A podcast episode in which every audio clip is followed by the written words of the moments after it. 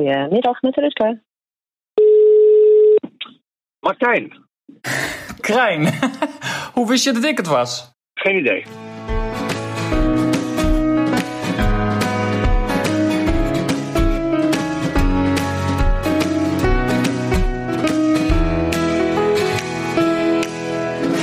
Wat vind jij het leukste aan nieuwe klanten binnenhalen? Nou, sowieso de kick. Daar kan ik eh, kort over zijn. Dat vind ik gewoon het mooiste wat er is. Maar ook gewoon om een eh, nieuwe relatie op te bouwen. Het geeft je energie. Nieuwe mensen leren kennen. Maar ik vind het een kick als je een mooi bedrijf kan vinden die passen bij onze medewerkers. Dat vind ik het allerbelangrijkste. Het is soms ook wel lastig, daar moet ik ook wel eerlijk in zijn. Kijk, nu leven we natuurlijk in een tijd dat, eh, dat, dat er aardig wat krapte is en dan gaat het een stuk makkelijker. Maar ja, spreek je over een normale situatie, dan kan het wel eens zijn dat je honderd keer belt en honderd keer nee hoort, of langs gaat en de deur gewezen wordt. Ja, laat je dat niet ontmoedigen eh, en ga gewoon door. Een verkoper die moet één eigenschap hebben. En dat is eh, volhouden. Dat bedoel ik mee te zeggen, als jij geïnteresseerd bent in een bedrijf je krijgt een nee, dat je gewoon na twee maanden nog weer eens belt. Of nog een keer een mailtje stuurt. En na drie maanden of vier maanden nog een keer. Dat ze denken, hé, hey, dat is een volhouden. Die wil echt, daar kunnen we misschien wat mee. Dus dat vind ik altijd de kunst. En als het dan lukt, ja, dan is het, eh, dan is het helemaal geweldig. Eh, maar als je dan een aantal telefoontjes gedaan hebt, dan heb je ook wel een beetje de smaak te pakken, zeg maar. En kan je ook testen van, oh, dit werkt wel. Of als ik dit zeg, nou, dan eh, wordt de hoorn er gelijk opgelegd. Dus ja, het is ook een beetje vallen en opstaan. Kijk, heel veel dingen staan natuurlijk wel op een, eh, op een website of op LinkedIn of wat dan ook. Met wie, wie zeg maar eindverantwoordelijk is, ja, gesprekspartner. Dus als ik het niet weet, dan bel ik wel eens een keer gewoon. Dan vraag ik dat gewoon open en eerlijk. Ik eh, ben geïnteresseerd in jullie bedrijf. En, eh, maar ik weet niet precies wie de contactpersoon is. Zou ik die persoon mogen bellen? Of eh, zou die persoon mij willen terugbellen? En dan zeg ik wel gelijk van ik denk dat het iets voor jullie kan, bete- kan betekenen. Bereid je voor. Dus kijk wat voor bedrijf het is. Kijk eens op de website. Kijk wat voor producten ze hebben. Is het een groot pand? Is het een klein pand? Zitten ze in, het, in, een, in een regio waar veel bedrijven zitten? Of zitten ze juist afgelegen op het platteland? Ja, je gaat zo'n gesprek in. Mensen gaan jou ook vragen stellen. En als je helemaal bleu bent, dat is op zich niet erg, maar het, is wel ook een stukje professionaliteit. Dat je kan zijn, nou ja, je bent bij een aardappelhandel, toevallig heb ik het nu voor mijn neus. Dat je ook weet dat ze iets in aardappelen doen. Iemand die ambitieus is in de verkoop, die wil heel veel praten in dat gesprek. En dat is nou de grootste fout die je kan maken. Want als jij uitgenodigd wordt, is een opdrachtgever altijd trots op zijn bedrijf. Die wil uitgebreid vertellen. Nou, dan moet je hem niet in de reden vallen. Dan moet je gewoon lekker luisteren en misschien af en toe eens een vraag stellen als je het niet begrijpt of als je hè, nieuwsgierig eh, bent. En dan pas het verhaal van AB. En niet andersom.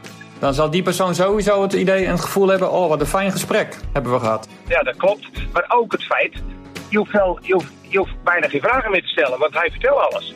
Want hij gaat natuurlijk ook vertellen, als hij mensen nodig hebt, wa- waar het allemaal aan schort en waarom dat hij niet kan groeien. Of ja, eh, wat het probleem is. Want daar kom je daar, in ons geval. Ja, ik denk het, het beste advies is om het gewoon te doen. Want ehm, ja, je kan iemand een draaiboek geven, dat kan. Maar eigenlijk moet je gewoon zelf ervaren van ja, hoe is het nou om met zo iemand in gesprek te gaan. En eh, wat gebeurt er als ik eh, op verschillende manieren het gesprek inga. En wat werkt het beste voor mij? Ik met acquisitie, het moet niet zo gemaakt zijn. Het moet wel eigen zijn. Als je eigen bent eh, en je bent ook gewoon eerlijk in, in wat je kan en wat je niet kan. eh, misschien met name het laatste. ehm, kan het misschien zijn dat je niet direct kan leveren, maar dat je wel een relatie opbouwt. En dat je daar in de toekomst dan weer profijt van. Je kan ook dingen niet goed begrepen hebben, dus het is natuurlijk goed om eh, samen te vatten. En, en dat kan gewoon heel kort. En dan, denk, en dan, dan gewoon niet gelijk zeggen, we, kunnen je 100% helpen, maar ik denk dat er een kans is dat we je kunnen helpen. Zij dan laat niet gelijk voor jezelf natuurlijk toren overleggen, want je moet ze wel hebben. Kijk, en dat was tien jaar geleden wat makkelijker dan vandaag de dag. Ik, ik denk ook dat er best wel wat bedrijven zijn eh, die eigenlijk eh, meer waarde hechten aan de relatie dan aan het kunstje wat je doet. Hè? Want ja, er zijn zoveel uitzendbureaus en ook veel zoals wij. Ehm, maar dan, ja, vaak redden wij het dan op een stukje interesse, een stukje ervaring wat, eh, wat een logistiek bedrijf doet of wat ze in de foodproductie doen. En eh, ja, dan, dan is het een gunfactor natuurlijk, maar eh, ja, dat, dat is het vaak ook. De belangrijkste opdracht is weer om je mensen te houden. kijk, in ons geval als relatiebeheerder moet je ongelooflijk goed voor je mensen zijn. En daarin ook, ook naar hun goed luisteren. Dus als je bij een bedrijf komt vragen, heb het nog steeds heel goed naar je zin? Of kan ik nog iets voor je betekenen? Ja, gewoon gedragsverandering opmerken. En dan proberen er snel bij te zijn dat ze niet uit je handen vliegen. Ik heb ook uh, klanten uh, van een bedrijf dat is heel jong. Dan weet ik als ik daar in een spijkerbroek en een t-shirtje kom, dan gaat niemand daarvan opkijken.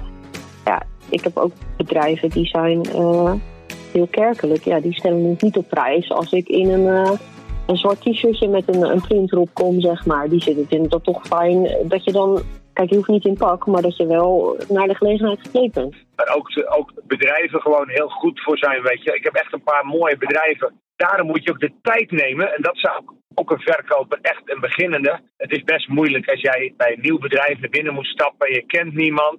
En ze kijken allemaal naar je, denk je. En dan moet je een beetje vrij zijn. Dat je niet alleen naar je medewerker gaat, maar juist altijd naar degene waar jij contact mee hebt. En waar jij zeg maar zaken mee doet. Ja, dat, dat is voor mij altijd 100% logisch. Je doet zaken met uh, beslissers. Eigenlijk kun je nooit verliezen, hè? Want uh, of iets lukt, of je leert er wat van. Dat bedoel ik. Mooie ja. quote. Mooie quote, hè? Ja, ja die Absoluut. heb ik. Samen gebruiken. Doei doei. Oké, okay, jij groet hè. Hoi. Doei.